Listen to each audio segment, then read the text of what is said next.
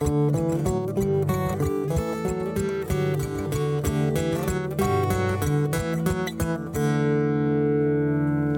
velkommen til Fredrikstad biblioteks eh, podkast.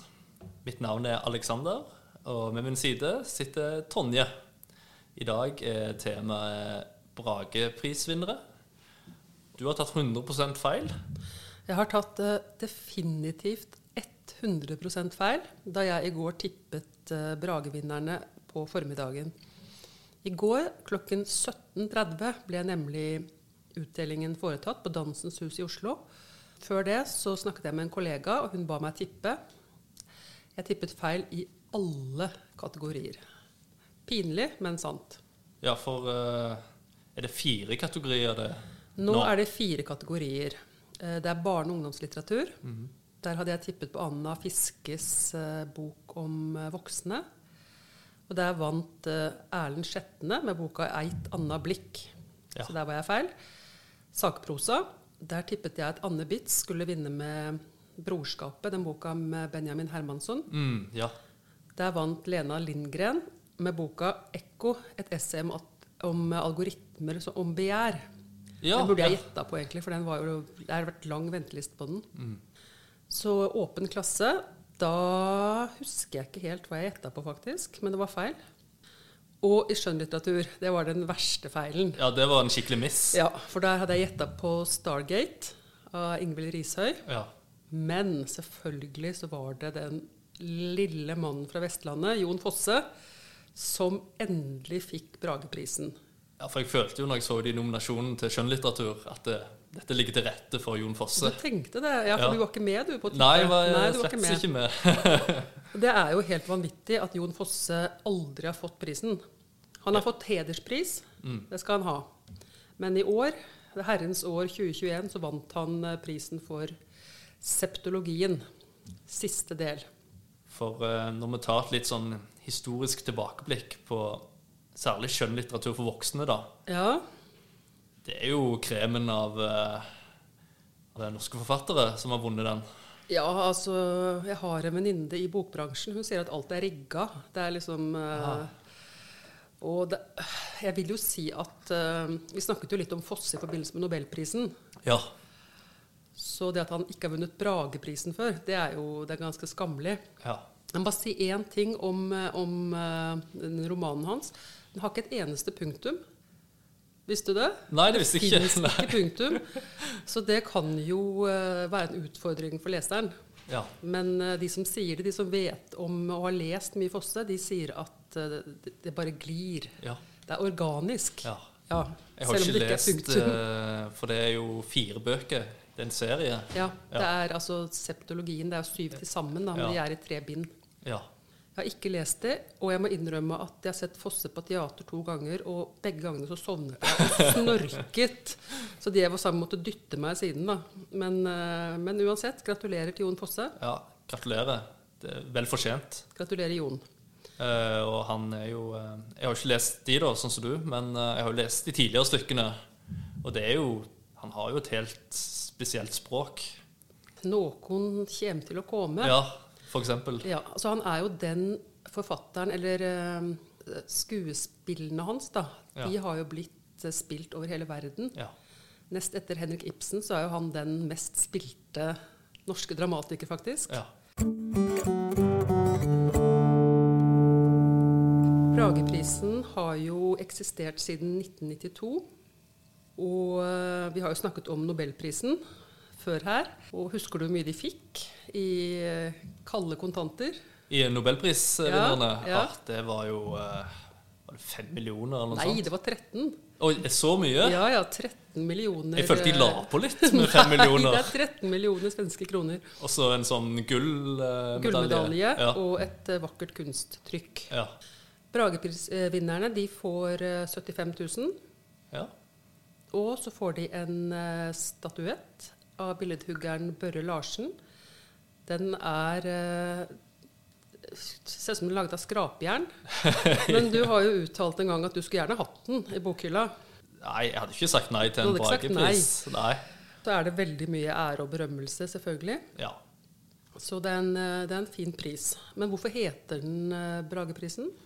Det har kanskje noe med norrøn mytologi å gjøre? Har det det? Ja, det er den norrøne dikterguden Brage som har gitt navn til prisen. Ja. Eh, og det er vel kanskje den litteraturprisen i Norge som er, er høyst Definitivt Rangert. høyest. Ja, Ja. ja, ja. Ingen over, ingen ved siden. Tidligere så var det flere kategorier. Det var lyrikk, og det var billedbok, og generell, generell litteratur, og så var det lærebøker. Nå er det da barn og ungdom, det er sakprosa, åpen klasse og skjønnlitteratur for voksne. Mm. Så de har kutta ut en del, eh, en del kategorier. Sist vi snakket om Nobelprisen, så hadde vi jo veldig mye sånn uh, Sladder. Litt sladder. Er det Ja. noe sladder i Vi hadde sladder og kontroverser. Ja. Det er uhyggelig lite sladder Ja. når det kommer til Brageprisen. Ja. Det som er spesielt med Brageprisen, det er at du kan få den posthumt. Altså etter Ja. at du er død. ja. For det skjedde i fjor. Det skjedde i fjor. Ja. Det var Beate Grimsrud som Ja. vant prisen for uh, 'Jeg foreslår at vi våkner'. Da var hun allerede død, Ja. Men den boka var så god at den måtte få den, rett og slett. Det er jo litt spesielt. Så da har vi valgt ut vår vane tro, våre tre favoritter som noensinne har fått Brageprisen. Ja. Uansett klasse. Uansett klasse. Ja. Om klassen ikke eksisterer lenger, så Ja. er det like greit. Ja. Jeg vil gjerne starte med en som ikke nådde opp. ja. Jeg var veldig, veldig i tvil. Jeg har flyttet rundt i bunker og lurt på hva jeg skal ta med, for det er så mye bra.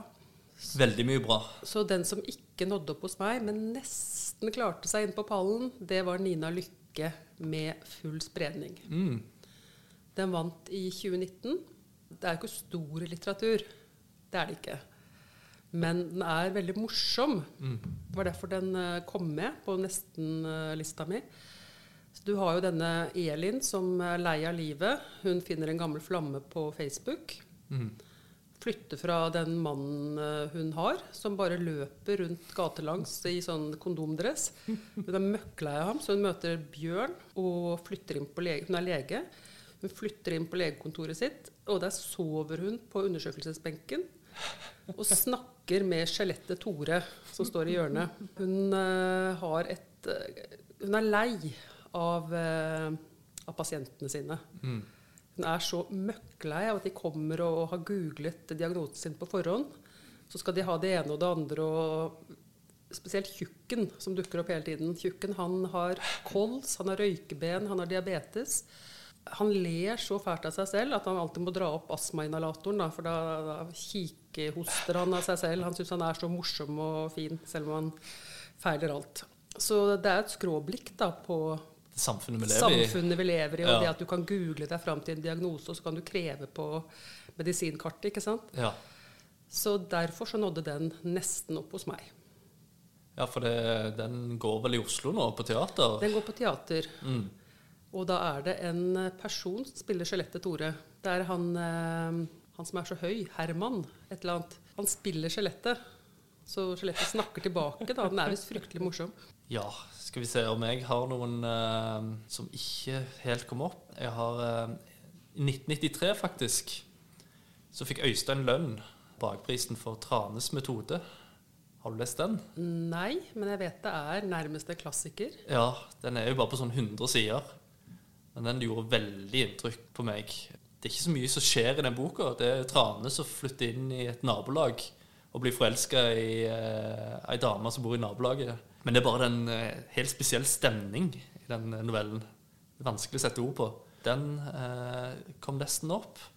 Eh, Frode Grytten, eh, bikubesang. Ja, så du du er jo fra Vestlandet. Du må jo Ja. være en Frode Gryttens mann. Ja, Ja. som jo eh, Det er jo mye The Smiths. Ja, Har du hørt på de? ja jeg, altså, jeg elsker The Smiths. Ja. Stemmer det. Og så er det en sånn stor leiegård i Odda, er det ikke det? Jo. Som er rammen rundt det? Ja, som fyller forskjellige personer der, da. Ja. Ofte veldig morsomt. Men jeg tenker kanskje vi skal bare begynne Da på begynner vi rett på pallen. Ja. Vil du eh, ta din eh, Min nummer tre, ja. Der har jeg faktisk en liten eh, parallell til filmens verden. Husker du at Al Pacino vant eh, en Oscar først og fremst for den som heter 'Duften av kvinne', Ja. som var bare Ja. en sånn liten bagatell Jeg trodde egentlig at han hadde vunnet det før det. Nei, det er akkurat det han ikke gjorde, nemlig. Han var nominert selvfølgelig som Michael eh, Corleone Ja. i 'Gudfaren'. Ja. Tony Montana i 'Scarface', ja. som er to vanvittige roller. Nå er jeg spent på hvor dette fører hen. Ja, det er jeg også egentlig. Da håper jeg klarer å ro dette her i land. Han vant rett og slett da Oscar-prisen, for jeg tenkte det at nå har han gjort så mye stort, så vi må gi ham en Oscar. Ja, og det sant? fikk han for den Ja. tåpelige, tåpelige duften av kvinne. Her har vi en parallell. Nå skal jeg ro meg i land Ja, her. ja. Jan Erik Vold han eh, har skrevet veldig mange gode diktsamlinger. Mm. De fleste av dem før Brageprisen kom. Mm. Blant annet Mor Godhjerta og alle disse her. ikke sant? Mm. Så da eh, Brageprisen kom, så fikk Jan Erik Vold en Bragepris for en av de minst interessante diktsamlingene sine. ja. Så da var han på en måte Al Pacino. Ikke sant? Så han fikk den. Jan Erik Vold og Al Pacino. Ja. Ja. Det er noen gode dikt i den samlingen som heter Ikke, Mm. som fikk da prisen i lyrikklassen mens det var en klasse. Og da vil jeg bare lese ett dikt fra den samlingen som heter Operasjon snuoperasjon. Han sparker ikke i alle retninger, han sparker oppover og mot høyre, og det til de så grader. Snu, operasjon snuoperasjon. Når Michael Tetzschner skrur pengene fast, mister Jan Erik Volds mor sin hjemmehjelp.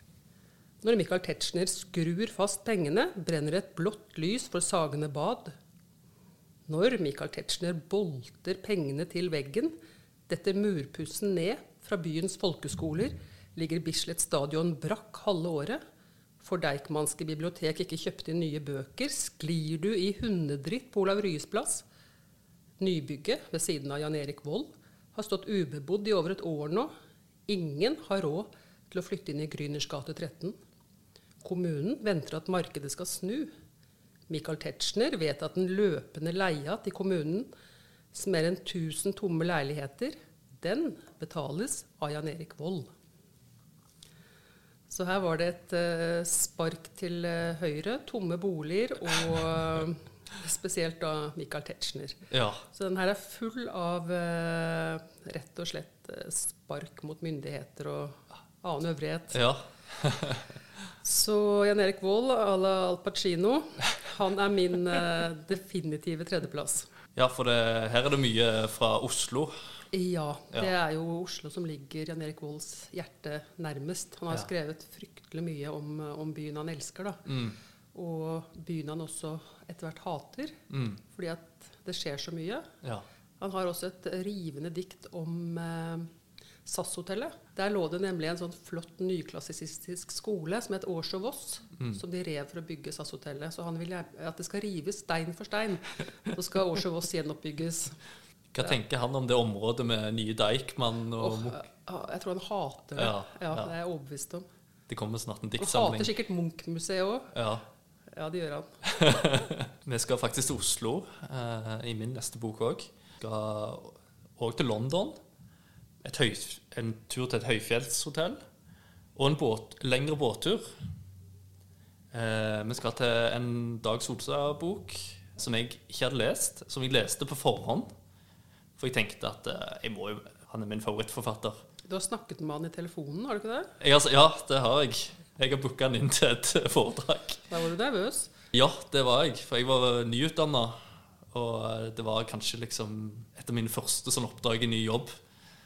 Å ringe Dag Solstad. Ringe selveste, Dag- ja, Dag Så Solstad. hadde jeg, så jeg eh, hadde lest så mye av Jeg skulle booke han til et arrangement. da Vi hadde fått noen prosjektmidler. Da foreslo jeg Dag Solstad. Da fikk jeg jo selvfølgelig i oppdrag å ringe han. Jeg hadde aldri gjort det. Jeg hadde Nei. aldri, aldri turt, turt å gjøre det. Så jeg eh, prøvde meg jo på en mail til forlaget. For jeg visste jo Jeg hadde jo aldri booka noen før. Så jeg prøvde først til forlaget. Men nei, de svarte bare det er ikke sånn det fungerer. Du må ringe Dag Solstad direkte. Og jeg bare å nei. Eh, Men var han hyggelig? Og så prøvde jeg òg eh, SMS. For jeg ville jo unngå å snakke med han i telefonen. Da fikk jeg bare tilbake igjen eh, at Dag Solstad vet ikke hvordan han sender SMS. Nei. Sikkert fra eh, Therese eh, Bjørneboe. Kona hans, ja. kona hans. og da måtte jeg jo bare manne meg opp og, og ringe han, da. Men det gikk veldig, han var, han var superhyggelig. Jeg følte han satt og klapte en katt. Ja, Ja, det kan jeg godt tenke meg. Altså, Han var hyggelig og litt distré, kanskje? Ja han var det. Men eh, han var veldig gira på, en, uh, på oppdraget. Men uh, Selvfølgelig måtte du da ha med Dag Solstad på lista. uansett Boken jeg ikke hadde lest før, var en bok bestående av eh, 100 fotnoter. Arman V. Eller er det Arman den femte? Tror det er Arman V. Ja, Ja. alle sier det. Ja. Og jeg sa før jeg begynte på den anekdoten her, at vi, vi skulle til forskjellige plasser. Men du kan trekke fra den med båtturen. For det kom en fotnote lengre lenger ut i boka at eh, det, båtturen skjer ikke. Den ble avlyst. Den blir avlyst. Så det er en spesiell bok, dette her. Men det, for de som liker Dag Solstad, så er dette her en veldig god Solstad-leseopplevelse. Det handler jo om han Arman som vokser opp eh, på 60-tallet i Oslo, og vi får hele barndommen. Blir ambassadør, eh, flytter til London. Og det er en veldig politisk bok. Veldig hardtslående, sånn som Jan Erik Vold. Det er altså sparking i noen retninger. I mange retninger, og den er jo skrevet i 2006, og her ligger jo eh, mye politisk. Altså USA som rykker inn i Irak. Vi går inn i Afghanistan, ikke sant. Sønnen hans, han er jo, eh, han er jo pasifist, Arman. Og sønnen eh, bestemmer seg for å bli elitesoldat. Oi. Ja, jeg var helt inne i dette universet. Jeg skulle virkelig ønske du kunne vist den fram. At vi hadde bilde her og ikke bare lyd. Ja, Det kan ikke fin finnes en roman som består av 100 fotnoter noe annet sted i verden. nei, men eh, så er det sånn en lengre fotnote, altså jeg går kanskje 50 sider, ikke sant? Og så kommer det sånn kort som det Dag Solstad, forfatteren, bryter inn. Ja, han bryter inn. Ja, Stemmer det, jeg hadde helt glemt. Han, han kommer og kommenterer ting, han også. ja, han gjør det. Så det er morsomt òg. Ja, Litt sånn Ja, meta. Nei, så den koste jeg meg veldig med, så den uh, syns jeg uh, var en verdig tredjeplass for min del. Ja, det var en glimrende tredjeplass. Hva skulle det ellers vært om ikke Dag Solstad blant dine tre? Nei, jeg kommer ikke på noen andre. Nei. Nei. Da går jeg fram til min sølvplass. Den vant uh, i 2000 blank for, altså i åpen klasse. Da var det krim det året, for åpen klasse forandrer seg, ikke sant? Og den som vant da, det var Karin Fossum med 'Elskede Pona'. Det er en uh, klassiker innen norsk krim. Altså jeg vil jo si at det er den beste som er skrevet noen gang. Den har vel vunnet uh, prisen for beste norske krim noensinne, vel, i en eller annen avstemning i Dagbladet. Mm. Den vant også en stor pris i Los Angeles. Los Angeles Times eh, bokpris. Oh. Så da, jeg tenker at Karin Fossum hun ser på en måte så forsiktig ut når du ser bilder av henne. Så jeg tenker at hun måtte reise dit og ta imot pris liksom, i den byen der. Liksom, at det var litt, kanskje litt heftig for henne. Men det, jeg forbinder hun med krim. Er dette en krim? Det er en krim, men det er ikke derfor jeg har valgt den. Altså, den har på en måte krimmens uh, si, bakebygning, på en måte, da, men det er, uh, det er egentlig en roman om bygda. Om bygdedyret, rett og slett. Ja. For den handler om uh, landbruksmaskinselgeren Gunder Joman, mm. som bor i en fiktiv bygd. Ja, det er et eller annet sted utenfor Drammen, tenker jeg. Gunder Joman han har alt på stell. Han har hus, han har jobb, men han mangler en kone. En dag får Gunder Joman en bok av søsteren sin som heter 'All verdens folk'. Og han leser om eh, India, og han finner ut at de indiske kvinnene de er vakrest i verden.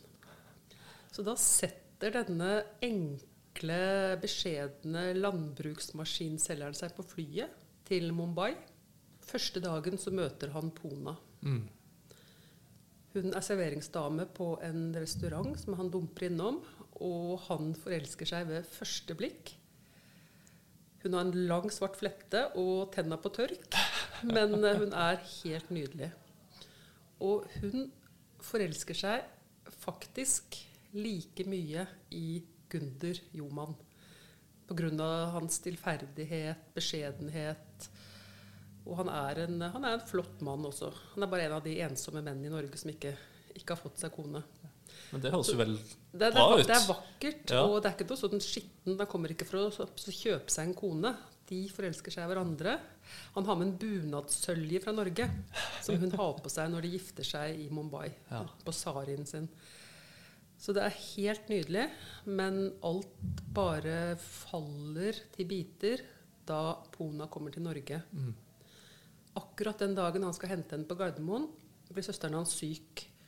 Han må reise til sykehuset i hui og hast, og da lander Pona. Hun finner ham ikke, og hun kommer seg på en buss til denne bygda. Mm. Dagen etter blir hun funnet så ille tilrett at uh, Konrad Seier, da, som er uh, Karin Fossums uh, krimetterforsker, som har gått igjen i alle bøkene, han har aldri sett noe så ille tilrett. Altså, hun, er, eh, hun er helt ugjenkjennelig der hun ble funnet i en åker. Og så begynner etterforskningen, og da får du bygda på det verste. Ingen har sett noe, alle dekker hverandre. Og det er en håpløs sak å finne ut hvem dette var. Og så kommer selvfølgelig da rasismebegrepet inn i bildet. ikke sant? Hun var en fremmed eh, kvinne. Indisk, fremmede klær. ikke sant? Noen Ja. har latt seg provosere av dette. Kanskje litt misunnelse inne i bildet der òg. Det er et mangehodet Ja. dette bygdedyret. Ja. Og eh, de har sin fulle hyre med å finne ut av hvem som rett og slett ødela denne idyllen. Er det, er det første bok med Konrad Seier, dette? Nei da, det er, eh, det er en i en lang rekke. Ja. Men han har aldri på en måte hatt en så liten rolle. Som jeg sier, så er det ingen typisk krim. Det er, den der, det er kjærlighetshistorien, og det er historien om alt det fæle bygda skjuler. Det er min så definitive nummer to. ja. Jeg hørte at svigermoren din leser den nå. Ja, jeg tror Uh, Etter anbefaling fra meg. Ja, jeg tror mange i Fredrikstad leser den eh, nå. Ja, men det, det er jeg glad for. Og eh, meg inkludert. Jeg har lyst til å prøve meg på den. Flott. Det var en så god nummer to at det nesten var nummer én, faktisk. Ja. Mm. Jeg hadde jo hørt om den, men den høres veldig spennende ut. Man kan anbefale den til eh, alle, ikke sant? Folk Mm. som uh, ikke vil lese krim, for det er jo en del av de òg. Det er det. Men den kan også anbefales til dem. Og jeg er jo en sånn. Du er en sånn. Ja. Definitivt. Jeg liker krim som ikke er krim. Ja. Ja. Og det skal, vi, skal jeg kanskje snakke om litt senere. da er det min eh, nummer to. ja, nå er jeg faktisk spent, for jeg kan ikke huske hvem du hadde. Nei, jeg hadde jo skjønnlitteratur som tredje. Og nå skal vi faktisk til kategorien eh, sakprosa. Og før eh, denne boken vant i 2015, og før det så hadde jeg eh, jeg hadde jo lest sakprosa, men eh, det var liksom Oppi hodet mitt så var det litt sånn Kjedelig. faktabasert og litt kjedelig. Men så leste jeg Borten Strøksnes 'Havboka'. Eller 'Kunsten å fange en kjempehai fra en gummibåt på et stort hav gjennom fire årstider'. Oi. Det oppsummerer boken ganske fint. For det handler jo om, eh, om Morten Strøksnes som jakter et stor fisk på bunnen av havet som heter håkjerring. Og det var veldig eh, Det hadde ikke jeg hørt om. Den er stor og veldig sånn litt sånn mystisk, med sånn øyne som lyser. Oi. Så nesten som et sånn rom, romvesen. Mystisk fisk. Ja. Ja. Og han drar da til Lofoten til en kamerat, en kunstnerkamerat, på jakt etter denne håkjerringa. Veldig spennende. Midt i eh, For dette er òg en sånn blandingssak, ikke sant? Så det er liksom historien om å fange den hårskjæringa. Men så er det òg mye sånn eh, fakta om havet. Hva med mennesker gjør med, med plast, ikke sant? Altså økokritikk. Og så tar han òg opp en del sånn eh, mytologi om havet. Jeg følte jeg lærte masse, og i tillegg var det en så fengende historie. Kunne du anbefalt den til noen som ville ha en roman? Ja, Ja. det tror jeg absolutt. Det har jeg gjort. Ja, okay. Og det har de faktisk eh, De har eh, takket meg eh, i etterkant for det. Har den litt Moby Dick-elementer, på en måte? Altså, Ja, han den leter har jo den, den, store hvite hvalen. Ja, det, altså, den har referanser til liksom, forskjellige plasser her. Og jeg tenker òg på den historien med han kameraten. altså Det er litt sånn, litt sånn beat-generasjon, ikke sant? Over det de opplever. Og det er en veldig så morsom scene der de er i et verdensmesterskap i skreifiske. Nei. Har du hørt om det? Ja, jeg har vært på en båt eh, i Lofoten hvor folk kom fra verdensmesterskapet i skreifiske. Ja. Jeg var sjøsyk, og de var veldig mange. Ja. Og de var veldig mye. ja. Jeg ble ikke mindre sjøsyk. Nei, det er litt sånn som han beskriver her. At det gikk litt eh, De har tydeligvis en sånn pub der, Ja. der de forviller seg inn. Og der går det ganske heftig unna, da. ja mye Ja. fiskehistorier og, og veldig mye alkohol. Veldig mye alkohol. Nei, Så det, var- og eh, morsom òg, så eh, jeg kan ikke be om mer, egentlig, i, eh, fra en bok. ja, og da lurer jeg virkelig på hvem som er din nummer én. Men først er det din. Det, nummer ja, men eh, jeg bare lurer, siden det var din nummer to. Ja. Da vil jeg nesten ha en trommevirvel her. Dette er den største romanen som er skrevet i Norge. Nesten eh, sidemessig. Den er tjukk. Mm. Og forfatteren brukte faktisk 20 år på å ferdigstille den. Wow. Altså Han satt ikke 20 år fra morgen til kveld og skrev. Han skrev fryktelig mye innimellom. Mm. Men denne her lå på en måte på PC-en hans i, i 20 år, og han skrev på den. Mm. Den vant Brageprisen i 2001. Den vant Nordisk råds litteraturpris året etter. Og da snakker vi Nordisk råd er noe Den kan vi ta en gang. Det er et Nordisk helt råd. annet dyr. Det er et annet dyr. Ja. Og da snakker jeg selvfølgelig om Lars Saabye Christensen med romanen 'Halvbroren'. ja. Halvbroren er det veldig vanskelig å snakke om, for den er så bredt anlagt. Mm. Det er en slektskrønike, egentlig. Den handler om halvbrødrene Fred og Barnum. Mm. Den føres i pennen av Barnum. Han har fortellerstemmen. Det som er spennende, det er at eh, Barnum han kommer fra en familie med tre ugifte mødre. Oldemoren hans, som ble kalt Den gamle. Og så er det Bolette, den gamles datter. Og så er det Vera, den gamles datterdatter, Mm. som da får eh, Barnum. Vera ble også voldtatt på loftet frigjøringsdagen 1945. Og da kommer denne halvbroren til verden, Fred. ja. Denne her har blitt filmatisert Mm. med veldig god Altså det var en TV-serie. Så den, eh, den syns jeg klarte veldig godt å fange både stemningen og, og storheten. ja, for det er ikke så lett, tror jeg. Mens- Nei, så jeg var veldig veldig spent på om de Ja. klarte det, men det gjorde de. Denne familien da, med disse tre ugifte kvinnene i rad- og slektsrekke, Mm. de blir da forstyrret av Arnold Jule Nilsen, Ja.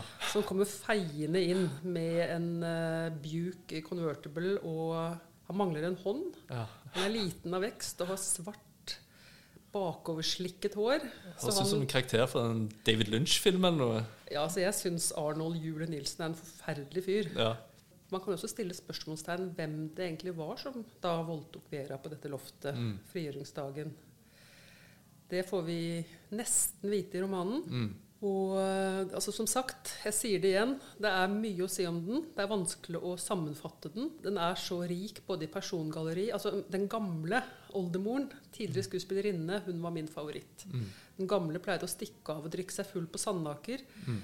Og da må Barnum av og til trekke henne hjem på en kjelke. Da Da sitter hun og hoier. Så hun er min uh, definitive favorittkarakter. Den er stor, og har man ikke lest den, så må man lese den Mm. før man dør. Det er jo sånn uh, Før vi lager disse topp tre-listene, så bestemmer vi oss for tema. Og så snakker vi nesten ikke med hverandre, for vi vil ikke røpe. Vi snakker overhodet ikke med Nei. Nei. For det er veldig hemmelig. Eh, men akkurat denne halvbroren, der hadde jeg en sånn eh, hunch, da. At du ville Jeg leste faktisk Beatles én gang i året i minst ti år. mm. Og den forandret seg hver gang. Ikke sant? Og sånn er det litt med halvbror nå, som Ja. jeg også har lest flere ganger. Ja. Og du får på en måte Jo eldre du blir, da, på en måte, så får du en annen uh, vinkel på det. Ja. Så jeg, altså, jeg vil slå et slag når vi sitter her, ja. For å lese bøker flere ganger. ja. Det er ikke noe skam. Nei, det er veldig fint det du sier der. Det tenker jeg er sånn Kjennetegnet kjennetegner god litteratur. At det kan leses om igjen. Jepp. Ja. Han har jo vunnet før Han vunnet to ganger, Lars Aaby. Det har han vel Han vant 2001 for Halvbroren. Ja. Og så vant han jommen meg 2015 for Magnet. Ja. En annen gigantisk Ja, eh, og den er så enorm. Og den Ja. er ikke like bra. Nei. Nei. Er det trommevirvel igjen, da? Det er det trommevirvel. For nå er det din eh, øverste Pallplass. Ja, for du har jo vært innom det der med bøker som har sånn krimelement i seg, men som ikke er sånn ren krim. Det er min nummer én òg, og jeg er veldig sånn svak for den. og Derfor skal jeg lese den Karen Fossum-boken, for det er jeg sikker på jeg vil eh, like. Min nummer én, og det var egentlig en sånn eh, no-brainer, det var Gaute Heivold, eh, 'Før jeg brenner ned', om denne som er jo basert på en sånn eh, virkelig hendelse. Altså Det var en pyroman som gikk løs på 70-tallet på Sørlandet. Finnsland, som han Gaute Heivold her beskriver. da. Ja, for nå er vi også i en liten bygd, ikke sant? veldig liten bygd, ja. Og det er òg blitt filmatisert, som jeg syns òg var en veldig fin film. Har du sett den filmen? Nei, jeg har ikke sett den. Men jeg tror det var Anders Baasmo som spilte pyromanen. Ja, det var det kanskje. Og så var det Nei, den bare Den greip liksom stemninga veldig. Ja, den boken har jo sånt eh, krimdriv, som det heter. Åpningen på den Ja. Åpningen er stor. Ja. Da sitter du på kanten på av stolen og Ja, altså, jeg tror det kanskje er den mest filmatiske åpningen jeg noen gang har lest i en, en norsk bok. ja. Den bygger på en måte opp til eh, Altså med små, små skritt, på en måte, så bygger den opp til eh, katastrofen. ja. En mørk bil midt på natten. Ja, ikke sant? Ja. Så hører de på en måte flammene krasle, ikke sant, før eh, vinduene går og, Ja. og boka er i gang, da. ja. Hadde vi hatt bedre tid nå, så skulle du lest den åpningen, for den er, eh, den er stor. Så er det jo en sånn eh, eldre kvinne som syns hun ser en skygge. Og syns hun ser et eh, ansikt. Men det som er spesielt med denne boken, da, er jo at eh, det er jo denne historien om den pyromanen og barndommen hans. Men det er òg For jeg tror Gaute Heivold er fra samme bygd. Ja, Ja, det har jeg lest at Ja. han er. Og han er sånn eh, Det er annethvert kapittel. De følger hverandre. Altså den pyromanen sin barndom og Gaute Heivold sin barndom. Som han liksom sammenligner Altså, han, han stiller spørsmålet Kunne det vært meg? Som jeg syns er veldig interessant, da. Som, eh, som hever denne boken fra liksom eh, andre. For de som ikke har lest eh, denne før, så vil jeg absolutt anbefale. Men ganske mange har nok lest denne fra før. Det er vel hans mest kjente bok, vil du si det? Ja, jeg vil vel si det. Selv om han har mange andre eh, veldig gode bøker. da. Han er en av de bedre norske forfatterne, syns jeg. Ja, jeg syns det. Til å skape liksom fortellinger og, og stemning. Ja, for det, den boka har stemning av en annen verden. Ja. Så jeg hekter meg på deg, faktisk. ja Jeg vil jo si at den ville i hvert fall vært en, eh, en runner-up hos meg. mm, ja, Hvis jeg hadde kommet på den. ja. Så det er jo en sånn bok som alltid står som Vi har en sånn hylle her med god bok. Den står ofte der. Ja, det har jeg lagt merke til. Ja, Sammen med Lars Mytting, som også er en av de, de unge, unge gode. Hestekrefter også står ofte i den hylla. ja han gjør det. Men Lars Mytting har ikke vunnet. Nei, Nei. Han er en av de. Ja. Nei, men uh, da har vi kommet uh, til veis ende. Topp tre tidligere Brageprisvinnere. Så da vil jeg egentlig bare takke for meg, og takk til Tonje. Takk til deg, Alex. Og så snakkes vi. Jeg tipper at vi kan ta en topp tre tidligere Nordisk råd når vi er inne på det. Det hadde vært veldig gøy. Det ser vi på. Yes.